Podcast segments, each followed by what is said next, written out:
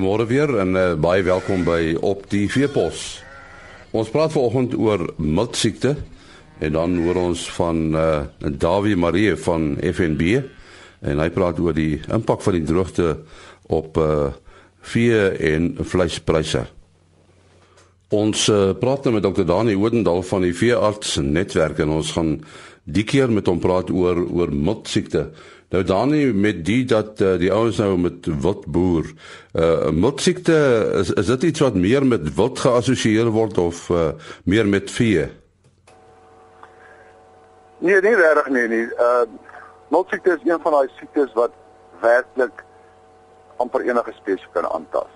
Uh dit sluit in ons ons wildbokke, ons makdiere, dit sluit selfs roofdiere in en dan ook mense. Dis 'n so dit is 'n siekte. So die enigste rede hoekom ons dit voorheen met wild geassosieer het is omdat die plekke waar ons dit nog gesien het waar dit voorgekom het op 'n gereelde interval basis veral soos na die droogtes wat daar langs die Kruger Kruger Nasionale Park. En dan het ons dit half geassosieer maar dis nie met wild geassosieer nie die die, die probleem is uh die organisme vorm spore in die grond So as 'n dier siek geword het en dit gevrek aan die siekte want dit is redelik 'n vinnige vrek aan die siekte waar jy tipies dan sien hierdie ding is skielik dood bloed wat uitkom by sy openinge soos die neus, die bek agteruit. As jy daai dier dan oopmaak en nadat sy ondersoek doen, dan sporuleer daai organisme. Dit wat beteken hy vorm 'n spoor wat baie lank kan oorleef in die grond. Mense sê dit meer as 100 meer as 100 jaar wat hy kan oorleef. So dit is dit is wat die gevaar is. So 'n organisme wat wanneer grond weer versteur word en daar was 'n plek gewees waar hy voorheen 20, 30 jaar terug voorgekom het, kan hy spore weer oopspoel en diere aantas. Nou in die Suid-Afrikaanse wetgewing het ons 'n wet wat bepaal dat beeste jaarliks geënt word teen mulsiekte. Wat beteken dat indien dit toegepas word, het ons nie 'n beespopulasie wat vatbaar is nie, maar dit is 'n baie baie goeie enstof. Maar wat met die wild dan betref, hoe en jy nou wild op jaarlikse basis? So dit is eintlik maar die probleem. Die probleem is eintlik ons het meer en meer wild, ons het meer en meer buffelplase. Uh in ek dink as 'n reël word hierdie diere nie teen milsiekte geënt nie. Net soos ons in as 'n reël nie eintlik skape en bokke teen milsiekte ent. So alhoewel ons beespopulasie redelik beskerm is, kan ons met ander diere sit indien so uitbreek wel voorkom wat totaal vatbaar is. So dit is eintlik maar die enigste uh, ding as daar koppel is aan wild is ons het baie nuwe wildsplase en daar is dan 'n bron van diere wat vatbaar is vir die siekte wat die siekte kan vermeerder die dag as hy voorkom net as hy voorkom. Nou goed, uh hoe word hy oorgedra? Jy het gesê die spore, maar maar hoe uh hoe ontstaan hy eintlik? Kyk, hierdie hierdie bakterium gewoonlik daar waar die gevrek het, is die grond gekontamineer. Die roofdiere sou hom daar rondgetrek het en dan in die weiding soos diere wy die stof en daai goed word hy oorgedra. Oor hoe groter afstande word hy oorgedra uh, baie werk gedoen met aasvoëls. Ehm uh, wat aan daai karkasse vreet en dan weer 100 km verder gaan en gaan was in 'n dam want hulle hulle was dit tog as hulle so veilig van so 'n groot karkas en hulle snaaks genoeg die voëls is nie vatbaar nie. Hulle temperatuur is hoër as ons soogdiere sin en een van die redes hoekom hulle minder of nie vatbaar is vir hierdie siektes. So hy word van lokaliteit tot lokaliteit uh, hoofsaaklik daardeur oorgedra as dit nou baie ver is. Anders te word hy net so ver versprei as wat daai spore of met water of daar met roofdiere kan versprei. Uh so die einde van die dag as ons kyk na ons ons beespopulasie, ons beespopulasie kan baie goed beskerm word teen my aanbeveling vir boere soos altyd maak seker dat verse twee keer geënt is voor hulle as koeie die kudde opgeneem is en dan die individuele boer geen krisis in die toekoms met met met molsiekte nie. Sou dit voorkom, uh kan 'n booster gegee word, maar dit is 'n baie goeie enstof. Ons probleem bly steeds met die kleinvee. Kleinvee word nie op 'n gereelde basis geënt nie. En een van die redes is hulle reageer nie so goed of daar is 'n bietjie van 'n reaksie op die enstof anders as met beeste waar ons waar ons geen probleem sien nie. Ehm um, snaaks genoeg, ek verstaan dit nog nie heeltemal vandag nie dat die wetgewing net beeste insluit by die inent teen molsiekte. Ek sou gedink het ehm uh, klein vee moet ook daarin ten minste uh, enkel maal geënt word voor hulle kan opgeneem word. As dit 'n groot probleem was in Suid-Afrika. Gelukkig genoeg sover is die probleem baie gelokaliseer. So gesê aan die oostelike deel van die land langs die Kreerpark en dan was daar een of ander twee ander voeltjie in die land uh die Noord-Kaap waar ons het in die laaste 30 jaar terwyl ek gefias is gesien het en sover het ons dan baie gelukkig gewees om nog nie groot uitbreke te sien nie. Ehm uh, die wildfaktor sal dit kompliseer die dag as ons uitbreek het want dit beteken alle diere sal moet geënt word op daai stadium. En kan dit oorgedra word na mense? Ja, kyk, onthou dis een van die organismes wat gebruik word in biologiese oorlogvoering. Die onthou lank terug in Amerika waar die profete rondgestuur is met hierdie poeier wat daar is. So die oordrag na mense toe is op verskillende maniere. Een van die maniere is as mense 'n uh, karkas eet wat wat dit aan dood gegaan het. Uh kry jy die dermvorm van hierdie siekte. Uh so hy word dan deur die darmes opgeneem wat bietjie anders te lyk aan die longvorm van hierdie siekte. Dit is gewoonlik mense wat met uh, uh velle werk, velle wat gelooi word en daai goed wat afkomstig is van 'n dier wat gevrek het van die siekte.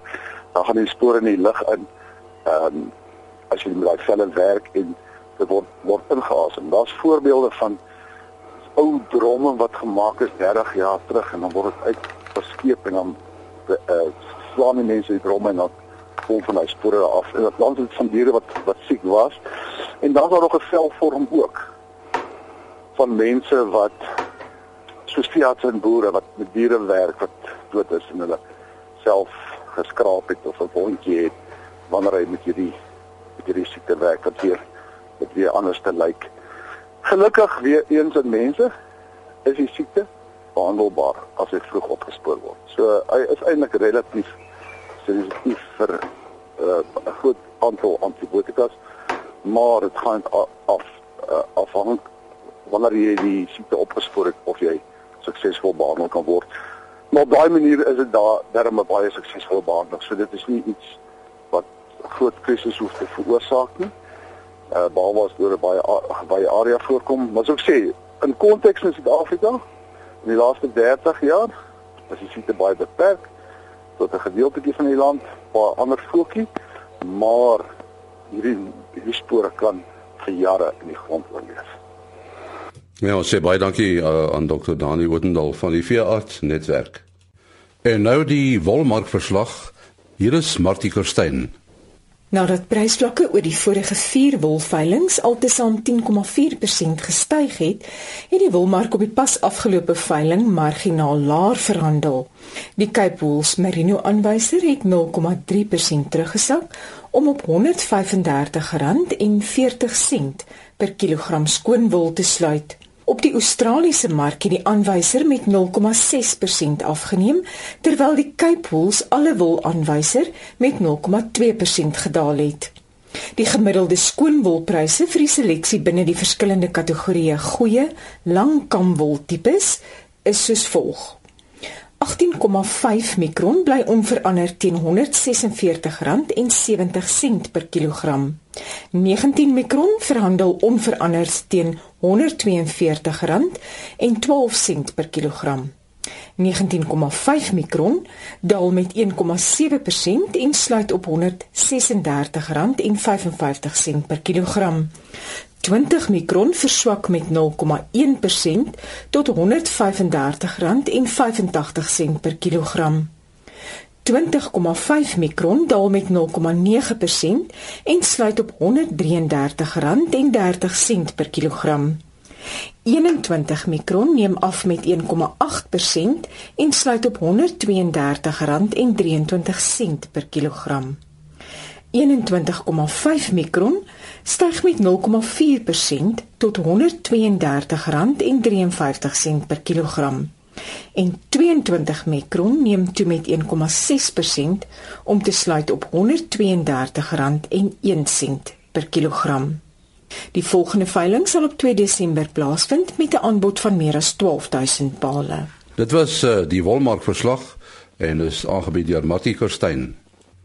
Ons uh, gesels met Dawie Marie, hy is hoof van inligting en bemarking by uh, eh, FNB Business Agriculture, dit is nou landbou. En ons praat 'n bietjie met hom oor die impak van droogte op vleispryse. Lyk my Dawie die die impak gaan eintlik eers deurslaan uh, met die volgende seisoen, is ek reg? Nee nee ja nee, jy is heeltemal reg. Dit as kyk na die korttermyn, die volgende paar maande, een of twee maande, dan sien ons dat daar redelike redelike afwaartse trek op vleispryse is. Die eenvoudige rede daarvoor is dat boere word as gevolg van die droogte gedwing om nou al hoe meer vee te bemark. Uh so die aanbod in die mark is aansienlik hoër as wat in die verlede was. Uh en die boere doen dit met goeie rede. Hulle moet hulle weidings beskerm Ja, natuurlik natuurlik ook baie duur om voer aan te koop om om groot kuddes voer te weet onderhou. Aan die ander kant is die is is die verbruiker ook onder druk. Uh, en daai druk gaan ook nou nog toeneem met die rentekoersverhoging wat verlede week aangekondig is. So die vraag wat tradisioneel daar was uh, in aanloop na die Kerstyd toe is op hierdie stadium nie so goed soos wat in die verlede was nie. So daar is 'n redelike 'n redelike oorskot van vleis in die mark. Uh daar's berigte van slagpale wat wat vol hang of of koelkamers wat vol hang en slagpale wat onder druk is as gevolg van hoë syfers uh, wat hulle of of hoë getalle VFC wat hulle moet verwerk. Ehm um, so daar is 'n redelike druk op die kort termyn op die mark.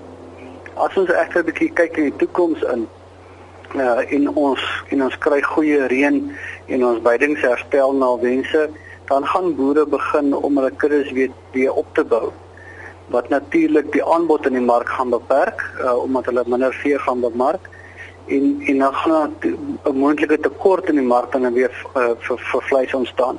So dit gaan vleispryse natuurlik dan weer weer bietjie laat laat opgaan uh, oor die medium na langer termyn toe. Ja, jy het gepraat van die kersperiode tradisioneel uh was die die neiging van vleispryse opwaarts oor die kersperiode van weer die groter vraag. Maar dit gaan nou waarskynlik nie hierdie jaar so wees nie. Is dit wat jy sê? Ja, dis wat ek sê. Dit uh, tradisioneel is al 'n uh, stygings in in die feestyd uh omdat die vraag na na vleis hoër is. Met die ouens braai meer, die die weer is goed en ons het tradisionele paar skerp paar skaapboude in die oond vir vir Kersfees. Maar hierdie jaar is die, die en, en ek dink 'n baie uh, groot bydraende faktor is die verbruiker wat onder druk is. Uh, so die verbruiker beweeg bietjie weg van die duurder die duurder snitte af uh, en hy beweeg terug na na goedkoper snitte toe en natuurlik ook goedkoper uh, vervangende produkte soos byvoorbeeld hoender uh, of dan varkvleis.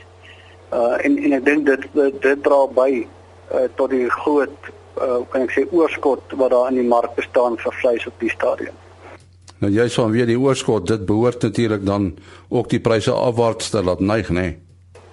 Ja, dit dit dit is ook op die kort termyn die pryse pryse afwaarts druk.